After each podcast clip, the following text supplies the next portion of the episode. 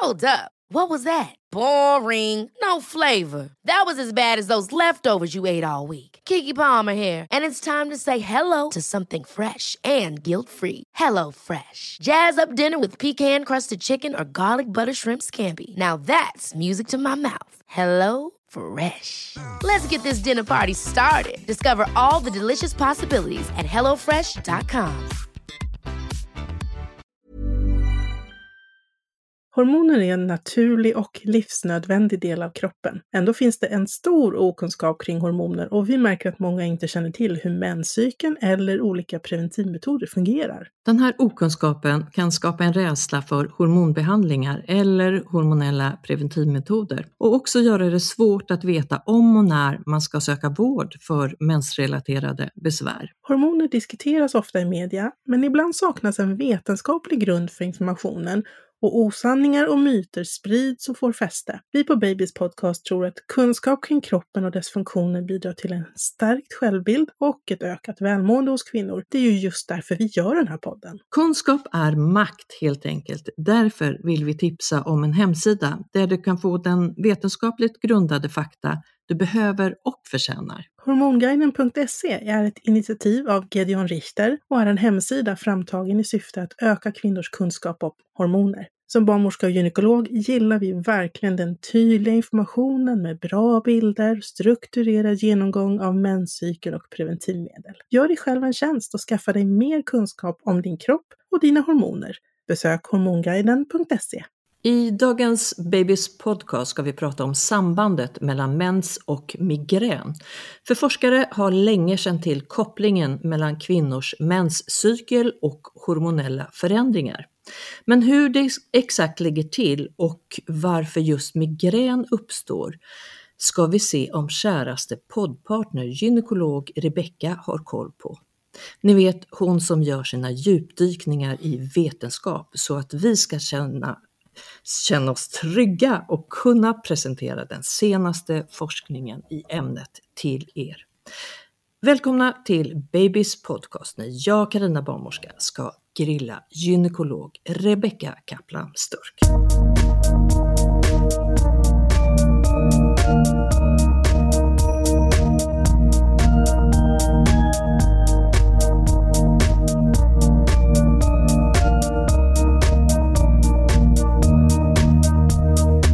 Säger du om grillningen Rebecka? Är du redo?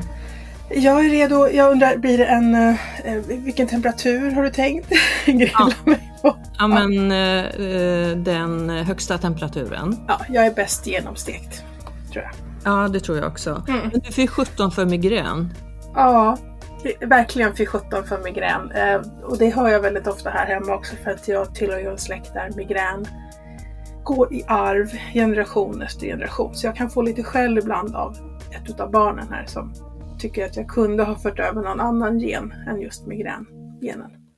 Ja, vissa gillar ju inte mens heller, så mens och migrän det är kanske Ja, det blir väldigt dubbelvärst. Ja, alltså det blir väldigt tråkigt eh, när det finns en koppling. Och, och det, för de flesta så finns det faktiskt en koppling mellan menscykeln och migrän. Det kallas att man har hormonrelaterad migrän eller hormonell migrän, säger man ibland. Och två av tre kvinnor med migrän upplever att de har en koppling eh, med sin menscykel och migrän.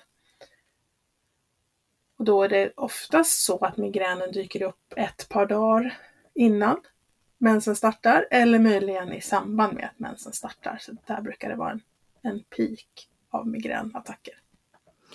Men du, man har, tidigare så har man ju inte tittat så mycket på det här för det har liksom varit att eh, har man mens så hör det till och, och få lite diverse åkommor, åkommor vid sidan av. Men ett eh, internationellt forskarteam har ju ändå presenterat, det var väl nu ett, ett litet tag sedan då, men där hoppas vi att du ska kunna hjälpa oss vad forskningen säger i, i det här. För det här är ju ändå ett eh, ganska komplext område.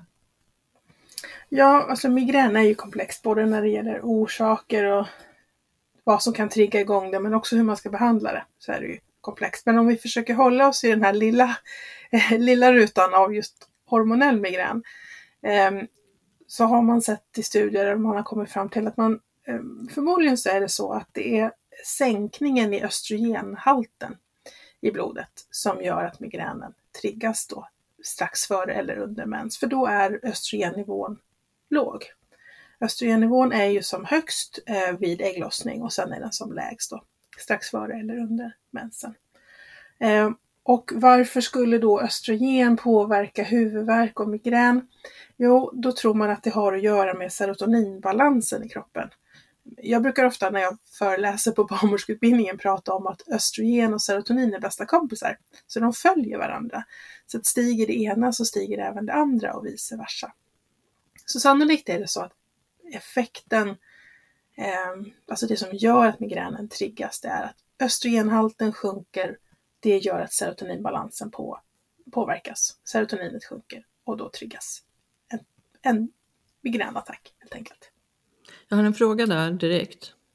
Yes. Får jag ställa? Kör på. Eh, oxytocinet, hur påverkas det? Jag, eh, jag har lärt mig att eh, det också sjunker. Ja, eh, det ska jag inte svära på, men om du har läst det så är det så. Eh, jag tänker, om man tänker i andra änden det här kring hur man kan förebygga migrän, när man har liksom tittat på det och då inte tittat på läkemedel utan vi pratar mer om egenvård, så är det just sådana aktiviteter som höjer våra oxytocinnivåer som kan funka som förebyggande behandling. Till exempel akupunktur, massage, lugn och ro, vila, eh, träning.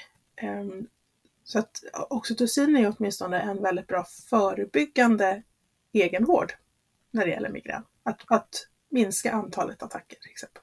Men Rebecka, du pratar om de här eh, sänkningen av, eh, eller att, att eh, sambandet med menstruation så sjunker nivåerna då av de här hormonerna. Men då borde ju alla få migrän.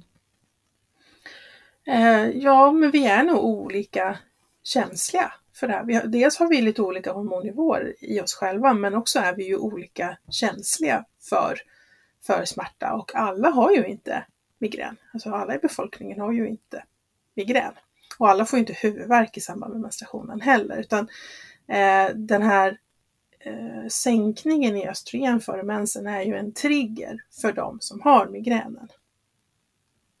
Så man, man får skilja på vad som är migrän och vad som är liksom generell huvudvärk. Det är inte riktigt samma sak. Ja, i alla fall besvärligt eh, är det och eh, det vi vet är ju att den här huvudvärken kommer ju i intervaller eh, och du nämnde en, två dagar innan mens och håller i sig upp till tre dagar. Men hur, är, hur kör man utredning på den här typen av migrän? Den hormonella utlösta migränen? Mm. Alltså, de som kommer till mig som gynekolog och eh, vill diskutera migrän och, och hormonell eh, koppling, de, de, har oftast själva sett det här mönstret. Att, eh, de, de, har diagnosen migrän, det har de fått av eh, utredning i vårdcentralen eller kanske hos neurolog. Men sen har de då själva noterat att eh, de har fler migränattacker Eh, och kanske svårare migränattacker i samband med mens. Eh, så rätt ofta så har patienten själv ställt sin diagnos, kanske till och med kommer med en, en dagbok där man liksom har prickat i eh, sin menscykel och sina migränattacker så att man ser ett mönster. Om inte det redan är gjort så brukar jag ju be min patient att, att försöka göra det så att man ser att det verkligen är en koppling. Men de flesta har redan koll på det när de kommer. Eh, och kanske till och med har diskuterat med sin neurolog eller vårdcentralsläkare eh, om man inte ska försöka prova någon typ av hormonell behandling för att komma till rätta med migränen. För du, symptomen då, det, det skiljer sig ju lite från vanlig huvudvärk ändå? Ja, alltså klassiskt för migrän är ju att det brukar ju vara ensidig. Eh, huvudvärken är ju oftast eh, att det är väldigt vanligt att man mår illa och kräks i samband med det. Eh, känslighet för ljud och ljus kan man ju ha vid annan huvudvärk också, men, men den är väldigt påtaglig vid, eh, vid migränen. Eh, sen är det ju så att utredning för om det är migrän eller, eller annan typ av huvudvärk, det, det görs ju liksom på vårdcentral och ibland i svårare fall hos neurolog. Så det är ju ingenting som jag som gynekolog eh, Eh, ägnar mig åt alls. Eh, är inte diagnosen helt klar och tydlig, då brukar jag faktiskt skicka en remiss så att man får en ordentlig huvudvärksutredning först innan jag börjar sätta in behandling. För det viktiga är ju att veta att det är en migrän och också veta vilken typ av migrän det är. För det finns eh, två huvudformer som man liksom ska hålla lite koll på om man ska behandla med hormoner. Eh, och det är ju migrän med aura och migrän utan aura. Eh, och det är viktigt att man skiljer åt för det påverkar liksom vad, vad jag får skriva ut och inte får skriva ut i hormonväg. Eh, och migrän med aura, det betyder egentligen att man har någon typ av förvarning eh, innan huvudvärken startar. Någon typ av neurologisk förvarning. Och det kan vara synpåverkan eller att det flimrar för ögonen. Det finns de som tycker att det tjuter i öronen eller får någon typ typ av bismak i munnen, domnar i händerna eller fötterna till exempel. Så det startar och sen kommer huvudvärken.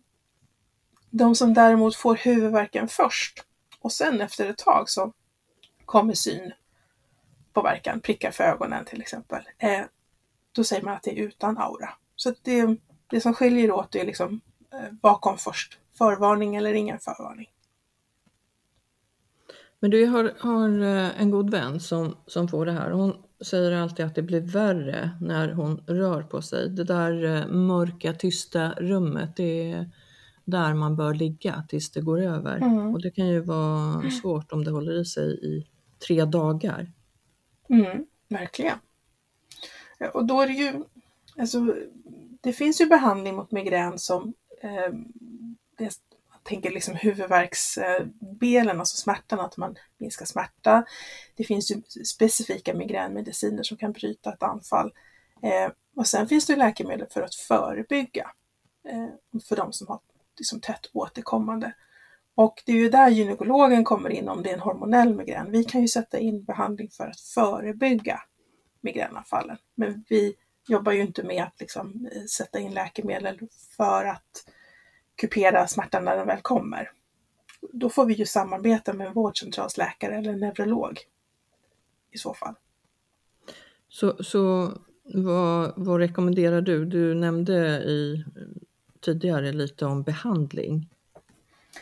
Ja, om jag har en patient som har en mensrelaterad migrän, då, ehm, då brukar jag ju diskutera eh, hormonell behandling och det beror lite grann på vem jag har framför mig och vilken fas av livet och vad den här personen vill. Men man kan fundera på att eh, byta preventivmedel. Eh, som jag sa så är det ju den här sänkningen i östrogen som kan trigga det här och då, då kan ju kombinerade p-piller, alltså p-piller som innehåller både gestagen och östrogen eh, och att man tar det utan paus, då brukar det kunna vara till hjälp. Man får inte den här sänkningen av östrogen utan man har en jämn östrogennivå hela månaden över. Så eh, sätta in p-piller eller annan hormonell behandling eller byta sort. Eh, sen kan det ju vara eh, en person som har graviditetsönskan och då kan vi inte hålla på att laborera med preventivmedel naturligtvis. Ehm, där vet jag eh, att det finns en del studier och också en del kollegor som eh, faktiskt ger eh, bara östrogentillskott strax innan mensen till exempel i form av ett östrogenplåster eller en östrogengel. Bara några dagar, alltså två, tre dagar innan väntad mens. Och det kan man ju göra även hos en person som har en graviditetsönskan. Um, är det en person som är i klimakteriet så kan man ju se över eventuell klimakteriebehandling. Eh, byta, antingen byta om personen redan har en behandling eller sätta in och just med lite fokus på att Eh, ge östrogen. Men här är det också så att man får hålla eh, tungan rätt i mun då om det är migrän med aura eller utan aura. För de som har migrän med aura ska faktiskt inte ha östrogenbehandling, i alla fall inte i p-pillerform. Ehm, eller så preventivmedelsform, därför att det kan öka risken för stroke ganska så rejält. Men då gäller det ju verkligen att man har uh, fått det här utrett så man vet om det är med eller utan aura. Ja, precis. Och är det så att patienten är lite svävande och inte vet så brukar jag fråga om jag får gå in och titta i, i eh, vårdcentralens journal eller neurologens journal om det är gjort en utredning. Och är det inte det och det är lite osäkert, då, då vill jag ju eh, remittera för en utredning först så att jag vet. Så att det liksom är tydligt vad det handlar om. Eh, för med aura då, är det migrän med aura, då får man eh, hålla sig till preventivmetoder eh, som inte innehåller östrogen. Helt enkelt. I, i däremot som klimakteriebehandling så är det inte, eh, eh inte helt förbjudet att behandla med östrogen, men man ska kanske tänka sig för dosmässigt. Man ska hellre ge östrogen via huden än i tablettform och det är viktigt att man verkligen följer upp patienten och ser att, att den här behandlingen verkligen eh, har någon effekt på migränen. Har den inte det så, så ska den ju bort. Och så kan, så kan man ju kombinera också behandlingsmetoder. Du var inne på tidigare konditionsträning och, och jag vet också att vissa går på fysioterapi, alltså sjukgymnastik. Du nämnde den här kognitiva behandlingen. Akupunktur funkar mycket bra på vissa. Mm. TENS vet jag man har provat också, alltså den här transkutana nervstimuleringen, en liten små plattor som man sätter då på huden som, som ger vissa impulser.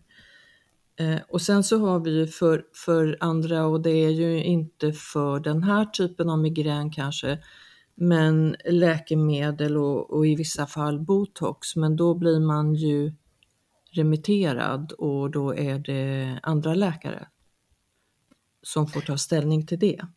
Ja, precis. Och, och när man börjar prata om sån mer avancerad behandling som botox eller eh, annan injektionsbehandling för att förebygga migrän, då är det ju neurologer som, som tar det beslutet. Eh, och som, som sköter den vården helt enkelt. Eh, och där kan jag tipsa om, vi brukar ibland prata om digital vård, du och jag. Mm. Eh, det finns digital vård även för migrän. Eh, för att jag vet att det är inte helt lätt att eh, få komma till en neurolog på ett fysiskt besök. Eh, och ibland så är det ett måste och då får man väl liksom vänta den väntetid som är. Men mycket när det gäller migrän kan man ju också göra via digital vård. Eh, så den möjligheten finns. Det kan man liksom bara söka på migrän och digital vård så kommer ni att hitta eh, eh de som erbjuder det. Ja men det är återigen super att den här digitala vården har kommit allt starkare för det är inte lätt ibland att få en tid hos en läkare och som vi alltid säger att vi bor ibland så i vårt land så att vi inte har möjlighet att åka kanske 30-40 mil. Då kan det här vara Hej, jag Ryan Reynolds. At Mint Mobile, we like to do the opposite of what Big Wireless does. They charge you a lot we charge you a little. So naturally, when they announced they'd be raising their prices due to inflation, we decided to deflate our prices due to not hating you.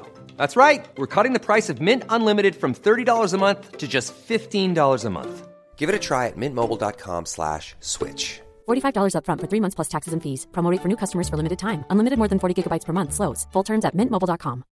One size fits all seemed like a good idea for clothes. Nice dress. Uh, it's a It's a T-shirt until you tried it on. Same goes for your healthcare.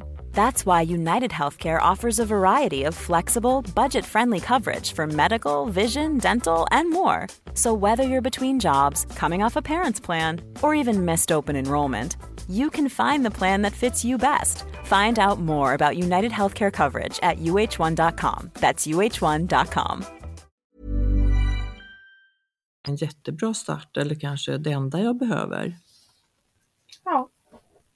Det kan åtminstone vara en liksom, ja, vissa saker kan man göra digitalt. Ja, och ibland så går det inte. Jag menar, eh, du kan inte få botox eh, digitalt. Men, men man kan ändå liksom börja i den änden och få, få diskutera sina besvär med någon som är specialist. Mm. Mm. Men du, du, du, pratade om graviditetsönskan. Mm. Kvinnor som då haft migrän liksom i flera år under eh, menscykeln Eh, och nu är gravida, försvinner då migränen helt på grund av de mer stabiliserande, eller det är det ju inte heller, men där har du ju där har du en höjning och sänkning av andra hormoner. Hur, hur funkar det under graviditet? Mm. De allra flesta med migrän blir faktiskt bättre under graviditet, eller kanske till och med helt bra. Eh, man brukar säga att ungefär 70 procent av alla med migrän blir klart förbättrade eller helt besvärsfria under graviditet. Och sen finns det ett fåtal som eh, faktiskt blir sämre. Eh, och det verkar som att de som har migrän utan aura, de brukar bli bättre. Men de stackare som har migrän med aura, där finns det de som faktiskt kan få mera besvär. Och, och att det blir bättre för de flesta, det har ju att göra med att östrogennivån stiger ju eh, rejält under graviditet och eh, ligger liksom ganska stabilt. Du får inte de här svängningarna från vecka till vecka. Utan du, du ligger ju liksom ganska stadigt, stadigt ökande skulle jag säga att östrogennivån är. Um, så för de flesta så är det inget bekymmer under graviditet. Men för de som fortsätter att ha migrän, eller kanske till och med blir värre, så är det ju väldigt besvärligt för det blir ju läkemedelsbehandlingsmässigt väldigt mycket svårare under graviditet. Därför att en, en del läkemedel får vi helt enkelt inte ge under graviditet. Så det här är en ganska vanlig fråga när jag jobbar eh, i mödravården. Alltså jag har patienter som har bokat tid just för att diskutera sin migränbehandling. Jag brukar ta det här och det här, men vad sjutton ska jag ta nu när jag får migrän? Eh, och då är grunden, eh, så grundbehandling vid migrän och graviditet är paracetamol. Ett gram och det kan man ta gånger fyra per dag.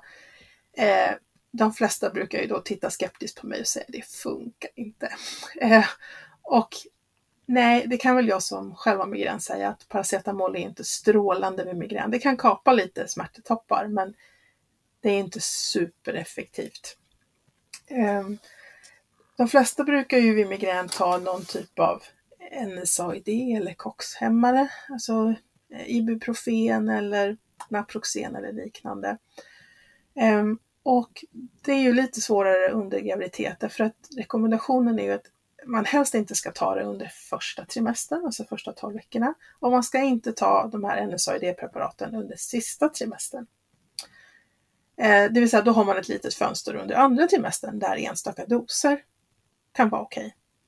Men det är just enstaka doser, det är ju inte så att man, eh, om man säger att man har migrän ett par gånger i veckan så är ju inte NSAID superlyckat att ta ett par gånger i veckan heller. Så ja, där kan det bli klurigt. Ehm, de här migränmedicinerna, de här som kallas för triptaner, ehm, det är ju liksom sådana läkemedel som man tar just vid migränattacker för att kupera dem. Eh, där är det de här gamla beprövade som kallas för sumatriptan.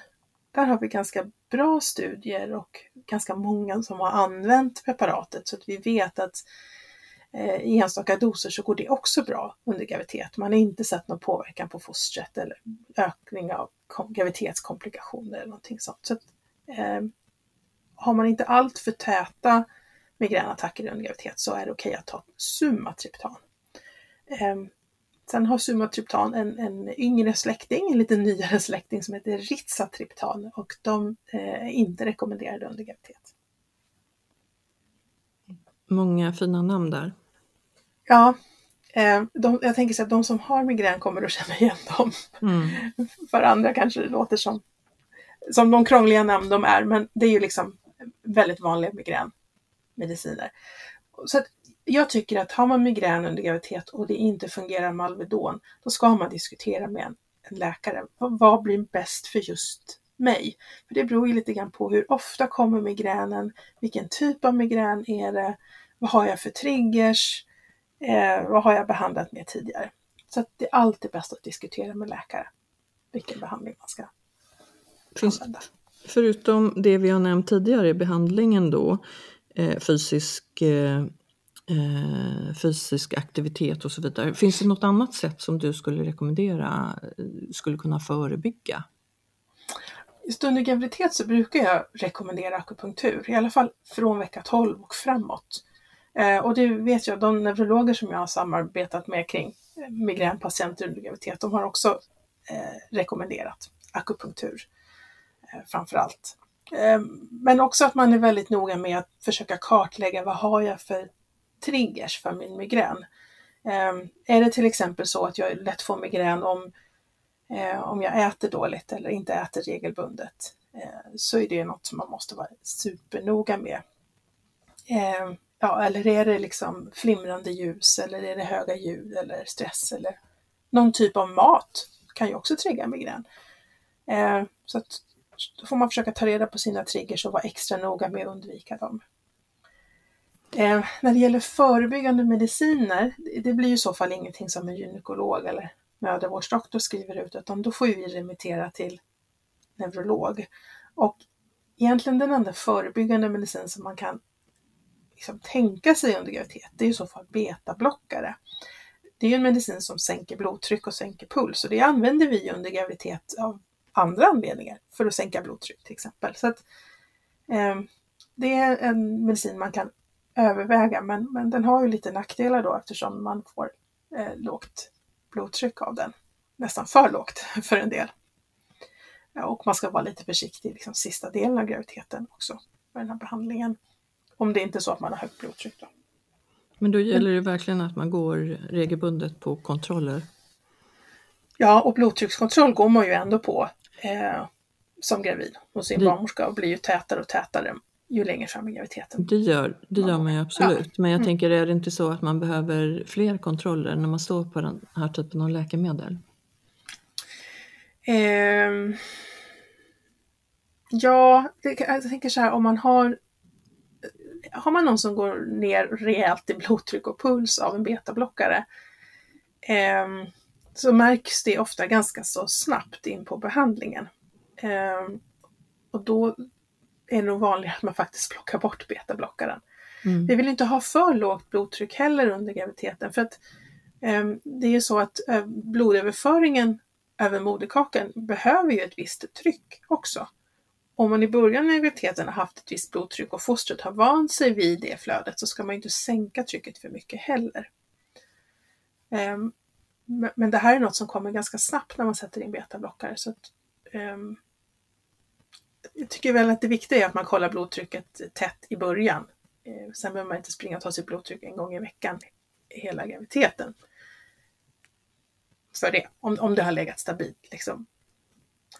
Men man ska säga det, det här med betablockare och migränprofylax är inte jättevanligt utan det reserverar man nog för de som har extrema problem. Det är i alla fall min uppfattning när jag har remitterat till neurolog. Att det är inte jättevanligt att man behandlar på det sättet. Individuell bedömning som alltid, Rebecka? Ja, men så är det ju. Och mm. Jag har ganska ofta patienter som beskriver att deras trigger har med deras yrke att göra. Att de har ett jobb där de kanske utsätts liksom för eh, ja, hög stress, det är väl tyvärr de flesta på sitt jobb, men, men att det kan vara höga ljud eller att det kan vara väldigt eh, skarp belysning och att det blir ännu svårare under graviditeten när det gäller migrän och då får man ibland eh, faktiskt sjukskriva, kanske sjukskriva deltid eller att man kan försöka komma överens med sin arbetsgivare om att anpassa jobbet eller jobba hemifrån om det är möjligt och så vidare. Så man får försöka lösa det med lite sådana livsstilsförändringar liksom också. Miljöförändringar också. Finns det fler triggers än ljus och stress? Ljus och stress, lågt blodsocker, viss typ av mat kan vara triggers för en del. Sovit dåligt kan vara triggers. Det, är, det finns ganska många mm. olika. Eh, de flesta patienter jag träffar brukar vara ganska medvetna om vad det är som triggar. I alla fall efter ett tag, inte kanske när migränen är nydebuterad. Då har man ingen styrsel på det. Men efter ett tag så, så lär man sig att eh, nej, jag kan inte dricka rödvin eller jag kan inte äta choklad, då får jag migrän. Eller jag kan inte äta den här typen av ost. Det är ganska vanligt att man säger det här kan jag inte äta. Man får anpassa sin livsstil helt enkelt och tänka mm. på eh, vad och hur man gör saker och ting för att inte mm. trigga igång. Mm. Men du, du, du, vi kommer att få frågor på, tror jag, du sa NSAID, en period då man inte ska ta det och då kommer vi att få frågor på varför inte då? Mm. Jag, jag ställer den nu. Ställ den nu så har vi det gjort. Ja, mm. precis.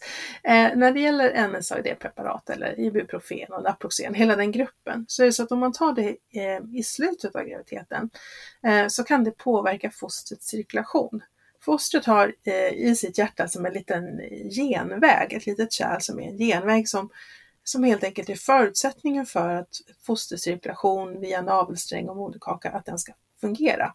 När barnet sedan föds, då kommer den här lilla genvägen att stängas och så går cirkulationen istället över till att blodet ska cirkulera upp i lungorna och syresättas i lungorna istället för i moderkakan. Men om, man, eh, om mamman tar NSAID-preparat eh, i slutet av graviditeten eller från vecka 24 och framåt i alla fall, då kan den här lilla genvägen då, som heter ductus arteriosus, den kan stänga sig i förväg inne i, i livmodern, vilket då påverkar fostrets eh, cirkulation. Och anledningen att man inte ska ta det allt för tidigt, eh, liksom första trimestern, det är att det finns en del studier som har visat på en koppling mellan bruk av NSAID-preparat eh, och en ökad risk för hjärtmissbildningar. Eh, och man har inte liksom i studier kunnat säga att, eh, att den här dosen är okej, okay, men den här dosen är inte det. Så därför har man sagt att eh, man ska vara försiktig. Enstaka doser har man inte sett någon, någon ökad risk med, men, men vi vet inte var gränsen går liksom riktigt där.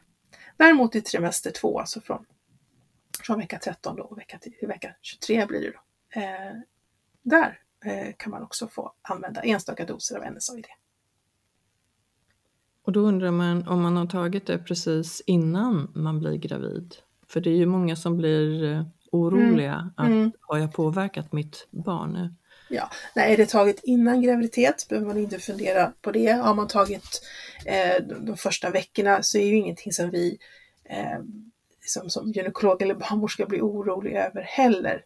Eh, att, ta enstaka doser Ipren när man har huvudvärk till exempel eller feber, det är så pass vanligt och det har man inte sett att det ska vara någon fara.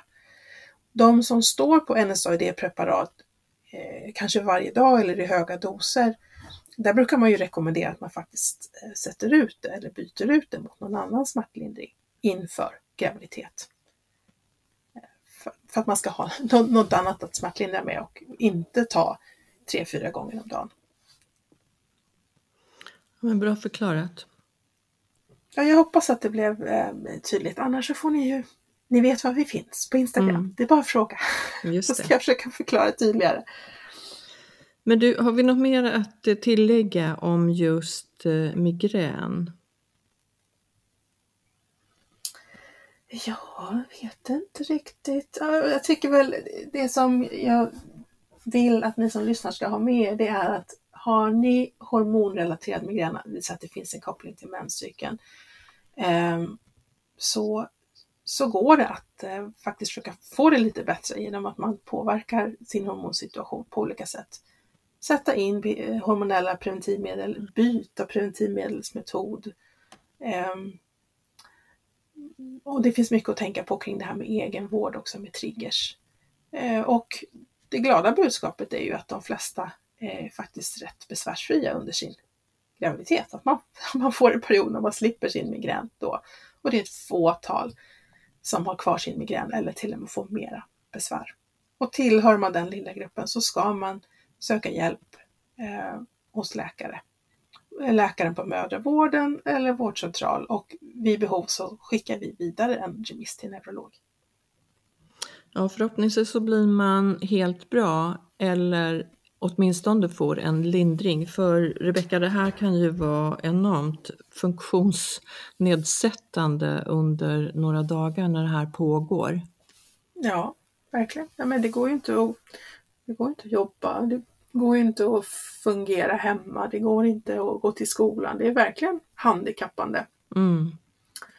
Och för Och... de som har kronisk migrän som ju då kan ha migränanfall många dagar i månaden så är det ju ett jätte, jätteproblem. Mm, såklart. Och man blir trött efter de här anfallen också. Mm. Behöver vila. Dagens avsnitt handlade om eh, sambandet mellan mens och migrän. Inget tillägg där, Rebecka? Vi har behandlat allt vad vi vet just nu om detta. Ja, en, en, en liten översikt i alla fall. Eh, så det är säkert något som vi har missat att prata om eller något som ni där ute sitter och funderar på. Men eh, det är bara att ösa på med frågor.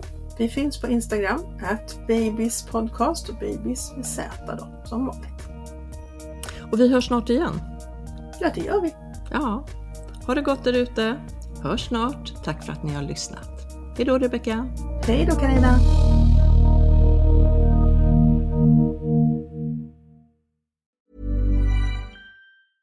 Hey, it's Paige DeSorbo from Giggly Squad. High quality fashion without the price tag. Say hello to Quince. I'm snagging high-end essentials like cozy cashmere sweaters, sleek leather jackets, fine jewelry, and so much more. With Quince being 50 to 80% less than similar brands. And they partner with factories that prioritize safe, ethical, and responsible manufacturing. I love that. Luxury quality within reach. Go to quince.com slash style to get free shipping and 365 day returns on your next order. Quince.com slash style. Planning for your next trip? Elevate your travel style with Quince. Quince has all the jet setting essentials you'll want for your next getaway, like European linen, premium luggage options, buttery soft Italian leather bags, and so much more. And is all priced at 50 to 80% less than similar brands. Plus, Quince only works with factories that use safe and ethical manufacturing practices. Pack your bags with high-quality essentials you'll be wearing for vacations to come with Quince. Go to quince.com slash pack for free shipping and 365-day returns.